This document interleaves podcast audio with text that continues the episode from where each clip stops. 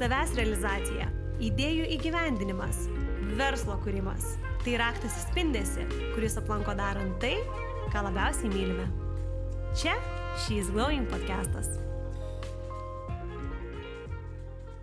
Sveiki, šiais Glaum tinklalaidės klausytojai. Su jumis prie mikrofono sveikinuosi aš, Dolita Kazlauskaitė. O toli nuo mane sveikinasi ir klubo narė, prekinio vardo Digitelė įkūrėja bei įkvepianti moteris Gedrė Bučytė. Labas, Gedrė. Labas, Dolita. Neveltui paminėjau, jog mus skiria atstumas, kadangi šiandien turėsime unikalų pokalbį. Draugė su Giedrė tiesime kelią iš Danijos bei Tailando tiesiai į Lietuvą. Turbūt nuo to ir pradėkime. Kaip Giedrė prasidėjo tavo kelionė svetur? Ar Danija buvo pirmoji stotelė palikus Lietuvą? Taip, tai prieš 15 metų aš išvykau iš Lietuvos. Mm, vilniuje turėjau puikų darbą dar nebaigusi mokslų dirbau grafine dizaine e, dizainere e, M1 radijo stočių grupėje. Turėjau nuostabius žmonės aplink save, gyvenau Vilniaus senamestėje, kelionės, linksmybės. Tačiau kartą atvykus į Londoną aš pajutau, kad noriu daugiau ir noriu nuotikių, galimybių tai tiesiog e, išvykau į Londoną gyventi ir atvykus į Londoną pradėjau dirbti kavinėje. O vėliau gavau darbą toje, Toyotoje, kur ir praleidau 3,5 metų. Mm, darbas nebuvo kūrybiškas, dirbau PA ofise, e, buvo labai faini kolegos, e, gerai uždirbau, puikiai leidau laiką, susiradau draugų, tikrai, tikrai buvo nuostabus gyvenimas. Tačiau um, nepaisant visko, tai buvo ir toks intensyvus laikotarpis, nes pačioj pradžioj buvo laikotarpis, kai važiuodavau darbą 3 valandas į vieną pusę. Tai keldavau ketvirtą ryto. Na, o Londonas man e, padėjo išmokti prisitaikyti prie bet kokių sąlygų, išmokė tvirtos disciplinos o taip pat atnešė labai turtingą kultūrinį gyvenimą. Tačiau nepaisant to turiningo laisvalaikio, viduje jutau tuštumą. Labai troškau sugrįžti prie kūrybiškumo, prie savo kūrybinio darbo, todėl nusprendžiau to siekti. Mm, ir pagalvojau, kad grįšiu į Lietuvą, nes turėjau tikrai labai daug pažinčių ir maniau, kad bus lengviau įsitvirtinti.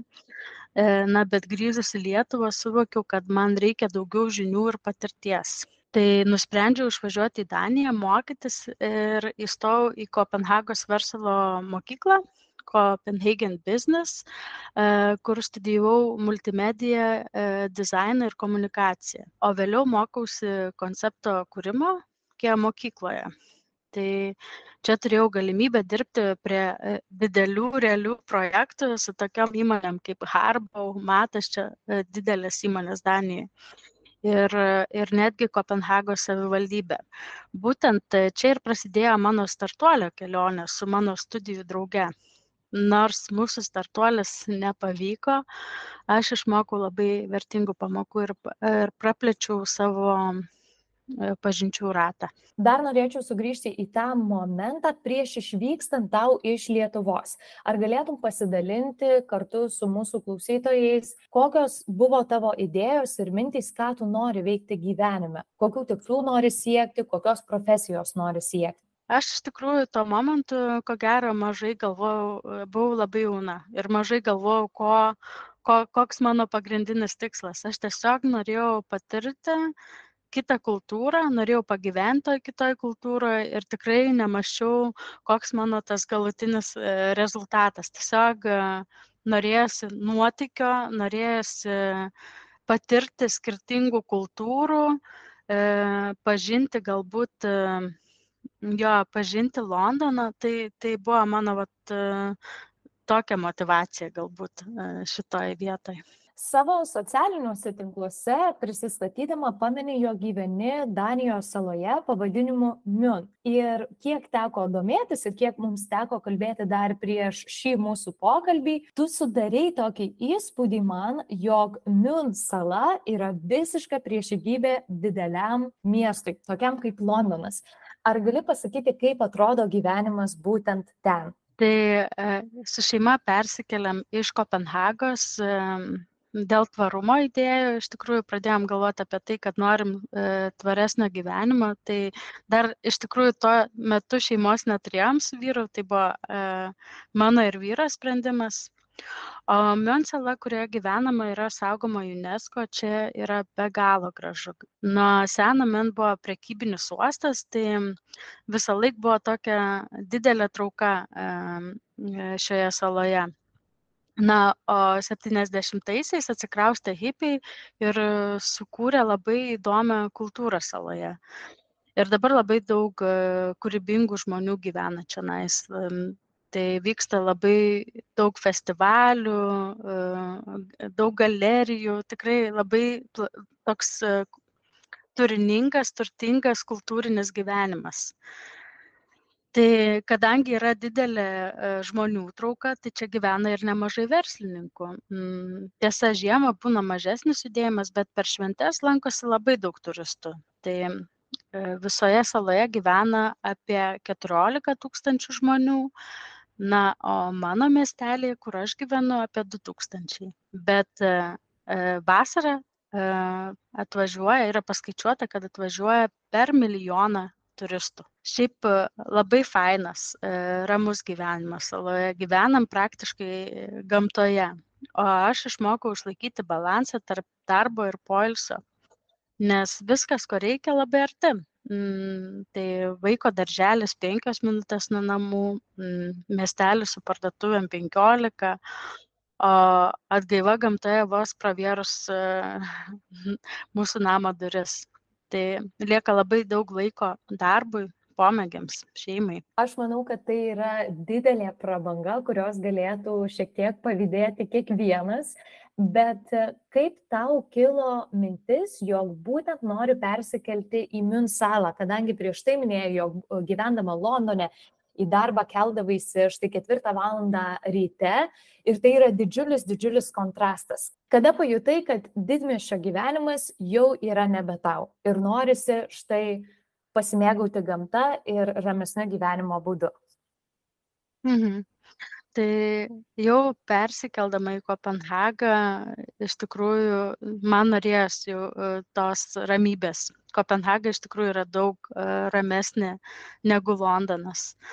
E, ir sutikus savo vyrą, mes dažnai važiuodavom pailsėti savaitgaliu į jo tėvų vasarnamį ir man visąlaik būdavo taip gera ir mes pradėjom apie tai kalbėti pradėjom svajot apie tai kad būtų gal visai smagu pagyventi kaime kad dabar iš tikrųjų yra visos galimybės dirbti nuotoliniu būdu. Ir ir tiesiog pradėjom svajoti pradėjom ieškoti ir taip gavos kad ir ir ir išvažiavom gyventi į kaimą. Na o šiaip mion saloje tai E, jo senelis e, kažkada turėjo didelį parduotuvių tinklą e, ir buvo labai toks gan žinomas verslininkas, tai tai turi jis tą istoriją, o aš irgi kartą buvau čia atvažiavus ir, ir mane be galo sužavėjo uh, gamta. Tu dar paminėjai labai įdomų dalyką, jog saloje gyvena nors ir 14 tūkstančių, tačiau ji yra labai labai versli. Tai grįžtant prie to verslumo temos, kartu su drauge buvote pradėjusios kurti verslą. Turėjote startuolį. Ar galėtum plačiau papasakoti, kokia tai buvo verslo idėja ir kodėl ji nepavyko? Su drauge ir kursiokė, baigdamos mokslus e, Kėja mokykloje, abi buvom be galo įkvėptos tos verslumo kultūros, kuri yra Danijoje ir kuri buvo skiepėjama mūsų studijų programoje. Mm, tai sugalvojom idėją, pradėjom kurti platformą minimalistinio stiliaus aksesuaram ir drabužiam, kuri vadinosi New tikrai per nepilnus metus padarėm labai daug. Buvom Venture Cup, e, sukūrėm mm, platformą, e, labai fainus mentorius radom ir, ir, tik, ir labai išplėtėm savo pažinčių ratą. Mm, viskas vyko labai inertiškai. Eigoje mūsų vizija ir konceptas pradėjo stipriai keistas. E, mano asmeninė vizija ir, ir verslo vizija e, neberezonavo todėl nusprendžiau atsitraukti. Šiaip tikrai yra labai daug minčių, kurios gimė po šio bandymo.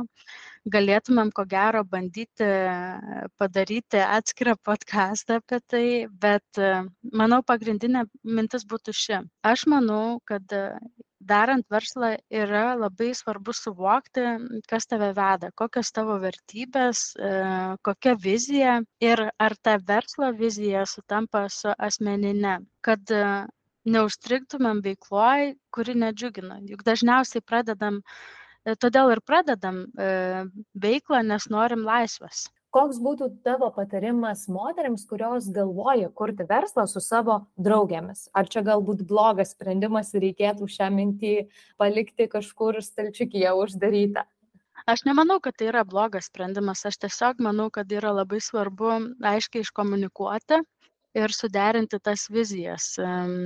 Mm, kokias jūs turit vizijas, nes e, vieną, e, vieną žmogų gali vesti pinigai, o kitą galim vesti tvarumas, sakykime, ar ne. Tai iš tikrųjų labai svarbu kalbėtis ir iškomunikuoti, tiesiog apsibriežti gal pačioj pradžioje, e, koks jūsų tikslas - atsižvelgti e, į asmenybių suderinamumą dirbant prie projekto. O taip pat reikėtų um, galbūt aptarti pačioj pradžioj, e, vat, apkalbėti savo vertybės, e, pagalvoti iš tikrųjų, koks tas galutinis rezultatas, kurio siekit, kas, kas jūs veda. Tai aš manau, kad reikėtų tiesiog iš karto atvirai eiti į tą santyki.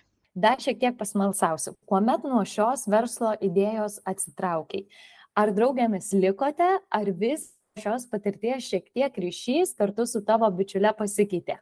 Jo, tai ryšys šiek tiek pasikeitė, bet e, mes vis karts nuo karto pasiskambinam, e, tiek pasiteiraujam, kaip sekasi, bet e, tikrai nebebendraujam tiek, kiek bendravom pradžioje. Bet aš manau, kad tai labai na, natūralus procesas, kuomet tu esi kažkokioje veikloje kartu, žinoma, kad praleidi daugybę valandų vien tik kalbant apie verslą, kaip jį toliau vystyti, apie pačią veiklą, bet e, tai labai geras priminimas ir kitoms moteriams, kad net ir tuomet, jeigu kažkokia idėja nepavyksta, neišsivysto, tai nereiškia, kad mes turime nutraukti ryšį. Galbūt ateityje atsiras kažkoks kitas projektas, kuris sujungs ir kuriame turėsime vienodą viziją. Tai kuomet šis startuolis nepavyko, kuomet atsitraukiai nuo veiklos ir, na, turėjai pagalvoti, kągi toliau veikti. Kokios mintys sukosi tavo galvoje? Ar iš karto norėjai imtis savo asmeninio verslo, ar ramiai pagalvoti, kasgi bus toliau, galbūt netgi kažkokį išbandyti samdomą darbą. Tai taip, išėjusi iš savo verslo jaučiausi morališkai blogai, vyko daug tokių vidinių apmąstymų, bandžiau įsisavinti visas e, pamokas, kurias išmokau.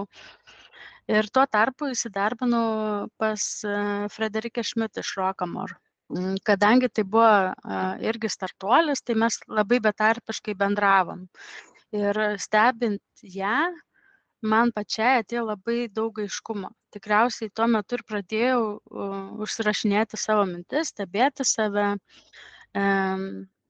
Kai kurie atsakymai ateidavo stebint e, Frederiką, kai kurie mokantis e, e, pačiai.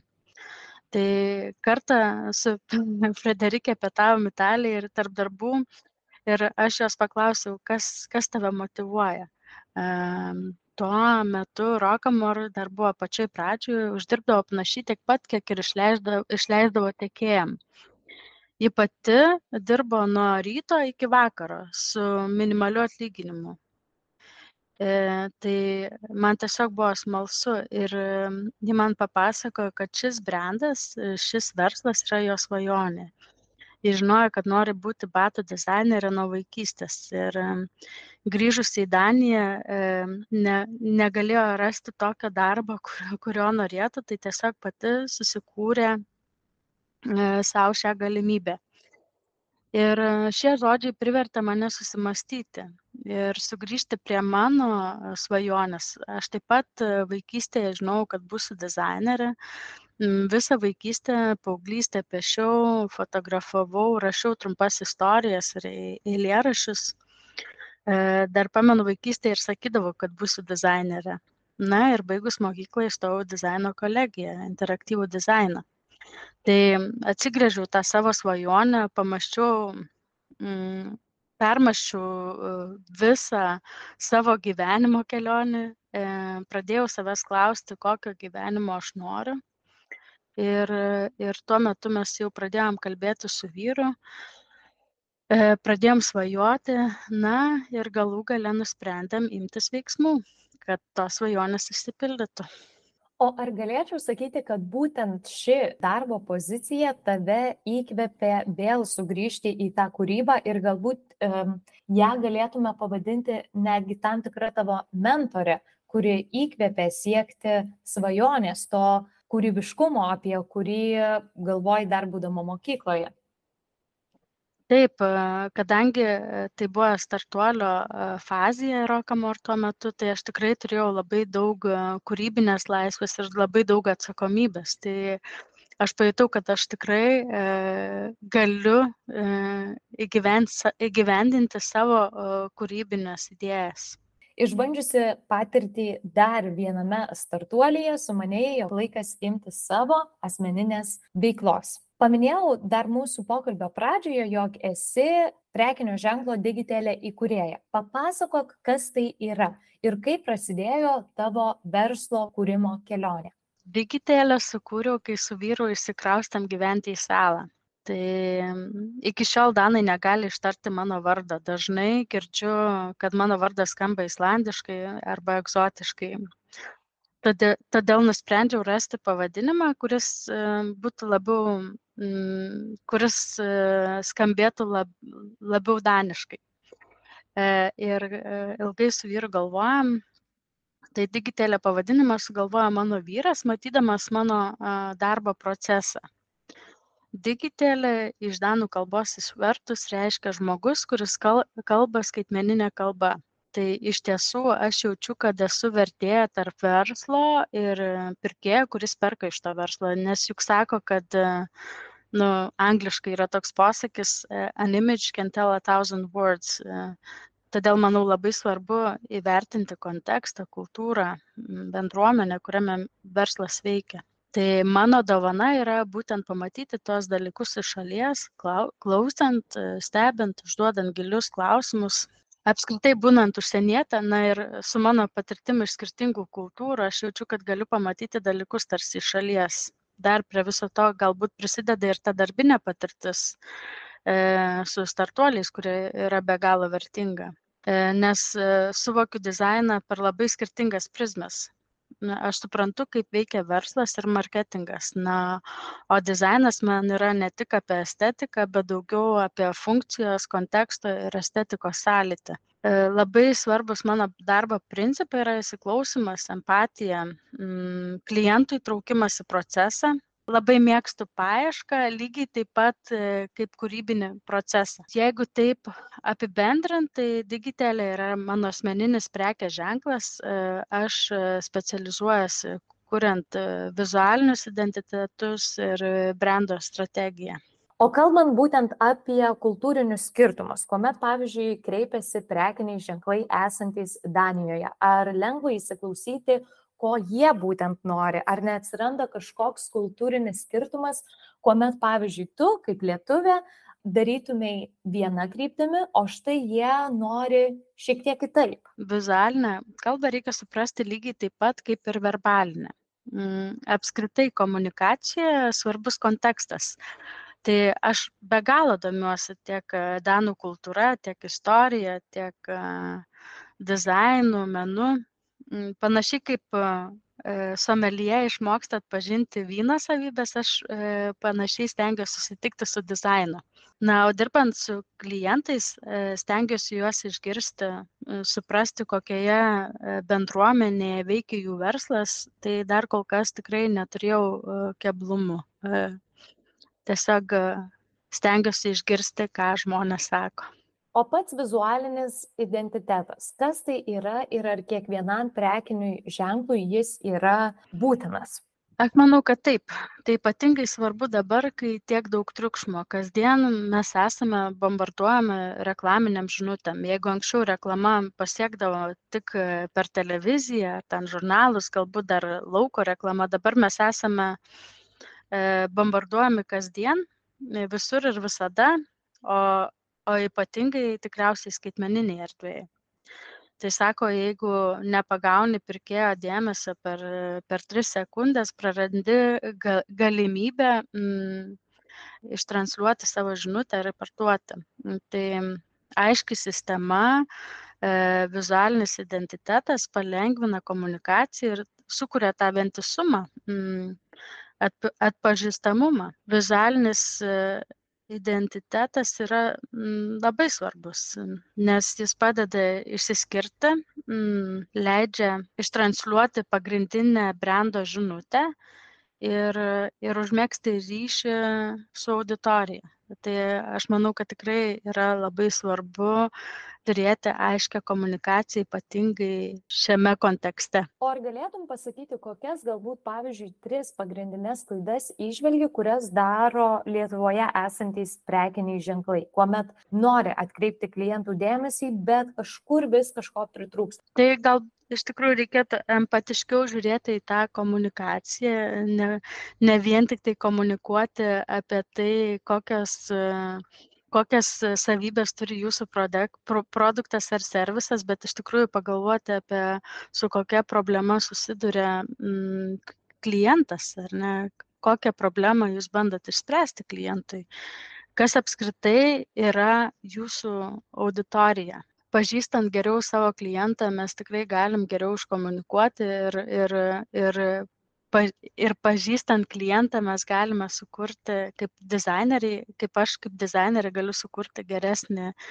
e, labiau rezonuojantį vizualinį identitetą. O kaip gėdrė tu patartumai pažinti tą savo klientą? Tai tiesiog jeigu yra e, pirkėjas, jeigu testuojat rinką, e, sakykime, tai reikia iš karto pradėti kalbėti su žmonėmis, užduoti jiem klausimus, galbūt pakviesti kavos, pasišnekėti. Jeigu dar nepažįstat ir tik pradedat, galbūt reikėtų pasiklausyti Facebook'o grupėse, pasižiūrėti, galbūt jo e, pasižiūrėti statistikos kažkokius tai duomenis. Iš tikrųjų, tų būdų yra begalės. E, e, reikėtų įsivertinti, kurioje vietoje jūs dabar esate, ar jūs jau turite kažkokią tai klientų bazę ar ne, ir, ir pradėti nuo ten. Kalbant apie tavo prekinį ženklą, tu ne tik padedi brandams būti matomiems, bet taip pat padėti jiems keliauti tvarumo link. Ar gali pasakyti, kada atsirado tavo gyvenime noras būtent siekti tvarumo ir tai dar integruoti į kitus verslus? Tai jo, labai geras klausimas. Na, aš užaugau mažame miestelyje akmenėje mažoje bendruomenėje ypatingai gali matyti kaip visų gyvenimai ir veiksmai yra persipynę tai ši filosofija kad mes visi esame susiję e, lydi mane visą gyvenimą. E, tai tvarumas yra apie holistinį požiūrį į gyvenimą ir apie verslą, e, apie tai, kad mes visi esame susiję.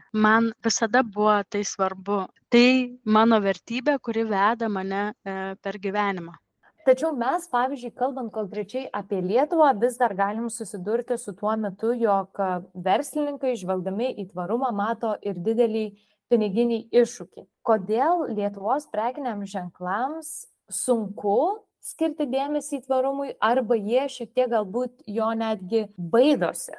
Lietuvoje kol kas nėra tiek edukuojama apie tvarumą ir inovaciją, kiek tai yra Danijoje, daroma Danijoje nuo vaikų darželio iki ten verslo mokyklų e, Danai tikrai labai daug investuoja ir į švietimą, e, tiek šią temą, tiek inovacijos temą, ar ne? Nes tai, jų, tai e, yra jų vertingiausias išteklius. Jie supranta, kad tvarumas ir inovacija yra ateitis. Lietuvoje tuo tarpu tikrai labai trūksta švietimo šią temą, bet E, šiaip noriu ir pagirti Lietuvos verslininkus e, ir šiaip labai žaviuosi Lietuvos verslo kultūrą. Šiandien nes žmonės tikrai yra labai progresyvūs, atsiranda tikrai ir tų įdomių verslų, verslų, kurie pradeda galvoti apie tvarumą.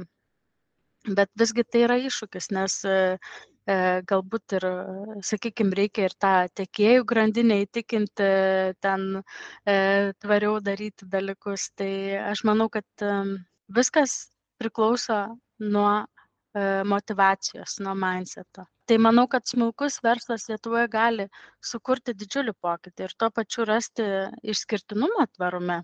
Bet e, reikia edukuoti visuomenę bei aiškiai iškomunikuoti tas vertybes e, apskritai integruojant e, tvarumą į savo verslo modelį galima net ir sutaupyti ir ir sukurti stiprų verslą dabar galima gauti ir didelę finansinę paramą iš europos sąjungos. Yra įvairių investuotojų ir fondų kurie gali prisidėti prie tvaraus verslo augimo. Tiesiog e, reikėtų pasidomėti. Ar galėtumei pasidalinti kokiais pavyzdžiui inovatyviais sprendimais e, danijoje esantys prekiniai ženklai siekia to tvarumo ir vysto jį savo versle na pasakykim kad ir tas rokamor ane e, jie ne tik kad nori padaryti moteris laimingas su savo batais bet ir ieško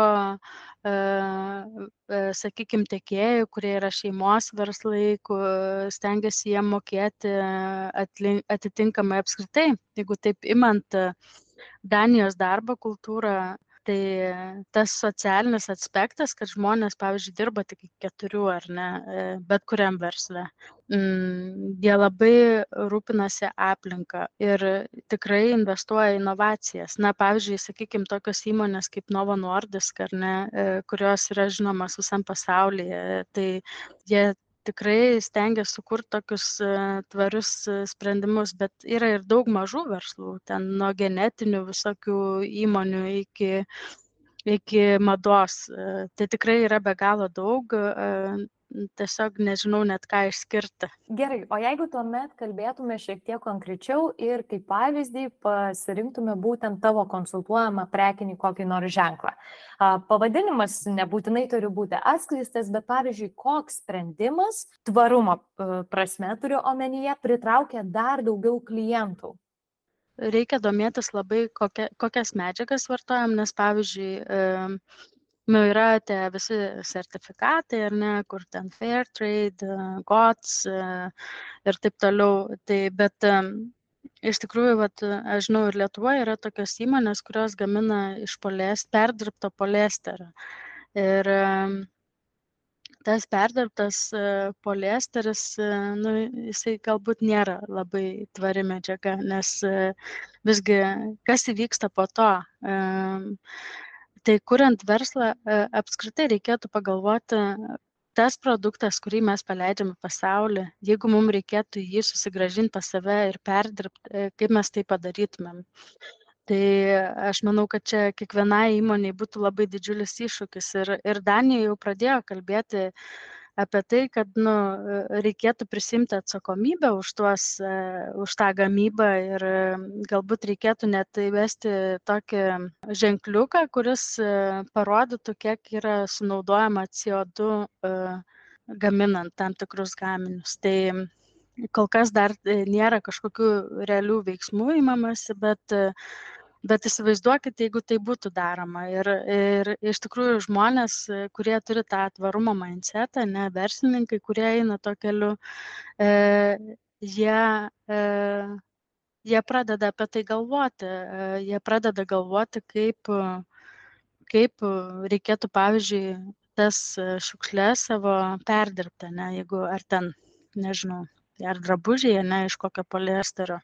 Tai kaip kaip jie būtų perdirbami ir kokį kokį poveikį tai padarytų gamtai Ar galėčiau, Gedri, tavęs paprašyti, kad pavyzdžiui, tu mūsų klausytojams pasakytumai, tarkime, du prekinius e, ženklus Lietuvoje ir du prekinius ženklus Danijoje, kurie tavo manimų labai tikslingai juda būtent varumo link. Tai Lietuvoje matau labai iš tikrųjų e, atgimimą. Mm, galbūt irgi žmonės buvo mm, išvažiavę į Daniją ar į kažkokią kitą Europos šalį pasimokyti tai žodžiu, šiaip pati naudoju ogą, ogą, nežinau, kiek tai yra tvari, bet žinau, kad jie nenaudoja chemikalų ir tikrai eina galbūt link to tvarumo, žinau, kad jie ir pakuotas galima pas juos recyklinti ir, ir galima uh, įsipilti ten kažkokią tai, nu, tų produktų į savo pakuotas, ar ne. Tai kitas ženklas galbūt on the floor, kur mane labai žavi iš tikrųjų tos suknelės gražios jų. Mm, jie irgi turi tokį dalyką kaip pre-loved, man atrodo, nu, kur tiesiog jeigu tu nebenaudoji tos suknelės, nebenori nešioti, tai tiesiog gali jiem parduoti atgal ir jie perparduos savo auditorijai. Tai ta žiedinė ekonomika irgi, manau, yra be galo geras dalykas. E, po to e, neseniai, va irgi būtent per šį Glowing klubą susipažinau su Bagabu, kuri yra lietuvė, dirbanti, e, veikianti Danijoje, gamina rankines iš patraižų. Tai irgi be galo gražus, žavus brandas, labai man patinka. Na, o apie Danijos, tai yra toksai, jo, ir yra daug iš tikrųjų, jeigu taip kalbant apie mados, tai ir ta pati Rokamor, su kuria aš dirbu, e, ir, ir Voron toksai brandas, kuris gamina patinius, e, tai tiesiog stengiasi naudoti kuo natūralesnius, natūralesnės medžiagas irgi stengiasi mokėti žmonėms sažiningai. Tai tas tvarumas yra tikrai labai integruotas šiuose branduose. Kaip tu pati įsivaizduoji tvarios prekybos pažangą, žvelgiant į ateitį? Kaip tai mm. vystysis toliau? Šiuo, šiuo metu visuomenė tampa vis labiau uh, samoninga apie aplinkos apsaugą, apie socialinį teisingumą ir tvarų vartojimą. Tai ateityje tikėtina, kad e, tvarios prekybos pra, praktika taps e, rinkos norma. Mm, e, įmonės bus priverstos daugiau dėmesio skirti tvariom praktikom ir integruoti tvarius sprendimus į savo verslo modelį na o tokie faktoriai kaip dirbtinis intelektas klimato krizė naujos technologijos e, netolimoje ateityje turėtų labai paspartinti tų tvarių verslų gimimą ir evoliuciją, aš manau. Paminėjai turbūt šiuo metu vieną labiausiai diskutuotinų temų, tai būtent dirbtinį intelektą. Ar galėtumai pasakyti, galbūt tu jau pati esi pritaikiusi šiuos įrankius savo veikloje, kaip tai tau padėjo? Mhm. Tai su dirbtiniu intelektu eksperimentuoju jau senokai. Turiu sukūrusi procesus ir įrankius, kurie gelbsti ne tik verslė, bet ir asmeninėme gyvenime. Tai man kol kas tai yra didelė ir smagi e, žaidimo aikštelė. Aš investuoju savo laiką, eksperimentuoju, bandau įvaldyti šios įrankius tai aš manau kad mes apskritai esame tokia dirbtinio intelekto revoliucijos papėdėje. Manau, kad dabar tikrai yra labai geras laikas pradėti su tuo dirbti, nes ką tik beje neseniai, va čia vakar girdėjau kalbą apie tai, kad sekanti milijardinė kompanija bus sukurta trijų žmonių. Ir plus dirbtinis intelektas. Tai E, jeigu dar kažkas nebandė, tai e, skatinu pradėti, nes galbūt jų idėja yra verta milijardo. O man pačiai, e, tai aš tikrai esu labai integravusi į savo darbo procesus, tai turiu ir asmeninę asistentę, dirbtinio intelekto ir ir eksperimentuoju su tekstų rašymais, net ir bandau klientam padėti integruoti į jų e, vizualinius identitetus, kad tiesiog būtų lengviau e, komunikuoti. Tai tikrai bandau įvairiais būdais e, ir, ir labai tuo domiuosi. Pasakyk, kad netgi turi asmeninę asistentę. Vieniems, žinai, galėtų kilti Mm, didžiulis nustebimas, kadangi šiuo metu mes tikrai nemažai turime virtualių asistenčių, kurios būtent užima šią poziciją, o tu štai turi dirbtinio intelekto asistentę. Sakyk, tai kaip jums pavyksta kartu dirbti? Ar ta tavo virtuali asistentė nepadaro kažkokių klaidų?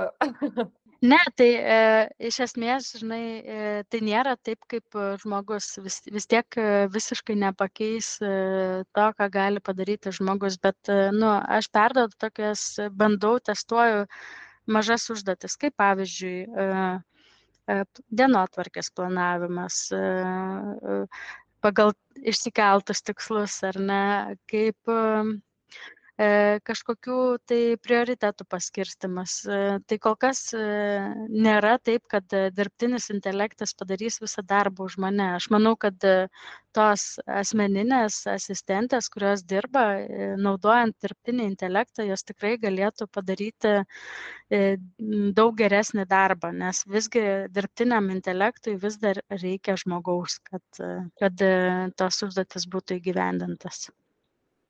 Taip, visiškai teisingai, Gedrė. Aš taip pasidalinsiu, ką neseniai mačiau taip pat socialinėje medijoje. Tai žodžiu, buvo ant tokio nebaigto statyti pastato, mm, apjuostas jis tokiu tentu. Ir reklaminė žinutė, kvietimas darbo, darbuotojų buvo toks, jog mes turime pabaigti šį pastatą, tačiau dirbtinis intelektas mums to negali užbaigti. Ar ne? Tai reikia vis dar uh, fizinės uh, žmogaus jėgos, kad tai galėtume padaryti. Uh, O dar kalbant būtent apie tai, kaip greitai galės pakeisti tam uh, tikras profesijas dirbtinis intelektas, kaip tau atrodo, tokie kaip grafikos dizaineriai, videografai, nežinau, pačios įvairiausios profesijos. Kaip tu manai, ar jie jau turi galvoti apie kitą kažkokią sritį, ką veikti? Na štai dirbtinis intelektas sparčiai, labai labai sparčiai įsitvirtina rinkoje, ar visgi jie gali šio klausimu būti ramus? Aš manau, kad e, už nugarėje liks tie žmonės, kurie e, nesidomi šią technologiją, nes e, iš tikrųjų galimybės atsiveria gan didelis.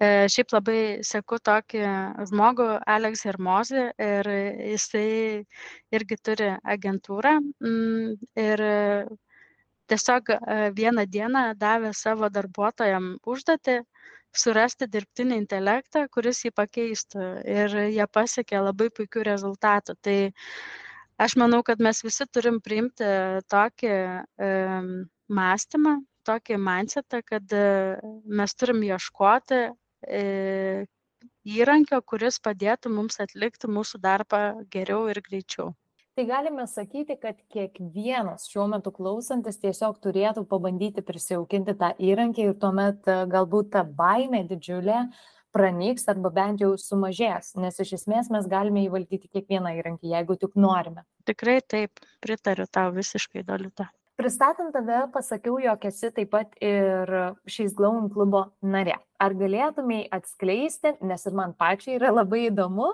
kodėl sugalvojai prisijungti prie klubo, kas tave paskatino prie mūsų gretų jungtis?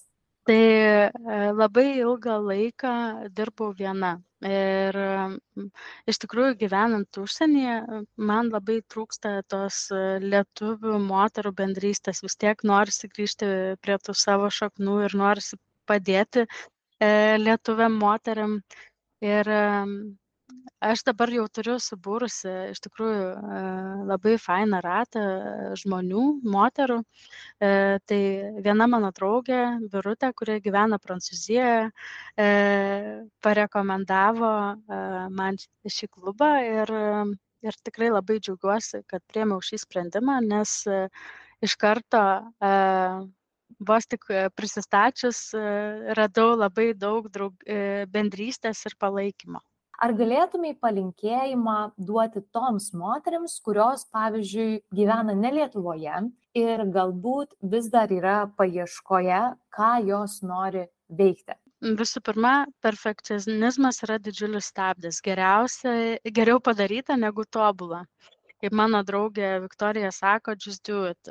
Tai Tai manau, kad svarbiausia siekti, sekti savo žingeidumą ir nebijoti daryti kažkokių žingsnių, nebijoti pokyčio, e, nes pokytis yra progresas. Ir Ir iš tikrųjų, bet šitoje kelionėje labai padeda turėti e, aplink save palaikymo komandą. Tai dėkoju tau, Gedrė, jog šiandien su manimi ir mūsų klausytojais pasidalėjai vertingomis žiniomis, savo sukaupta patirtimi, patarimais. Ir manau, kad ne vienas apsvarstys būtent tvarumo klausimą, galbūt pabandys rasti sprendimų, kaip tai įsivesti, integruoti į savo prekinį ženklą. Tai labai tau nuoširdžiai linkiu didžiausios sėkmės ir kad tavo atsidavimas bei didelės pastangos įkvėptų ir kitus. Ačiū tau, Gedrė. Ačiū, Dalita. Tikiuosi, kad puikiai praleidai laiką klausydamasi She's Going podcast'o. O jei nori daugiau bendrystės, nuostabių ir įkvepiančių istorijų, naujų žinių, renginių ir kitų privilegijų, kurias gauna tik She's Going klubo narės, keliauk tiesiai į mūsų internetinę svetainę www.sheisglowing.lt ir tap mūsų klubo nare.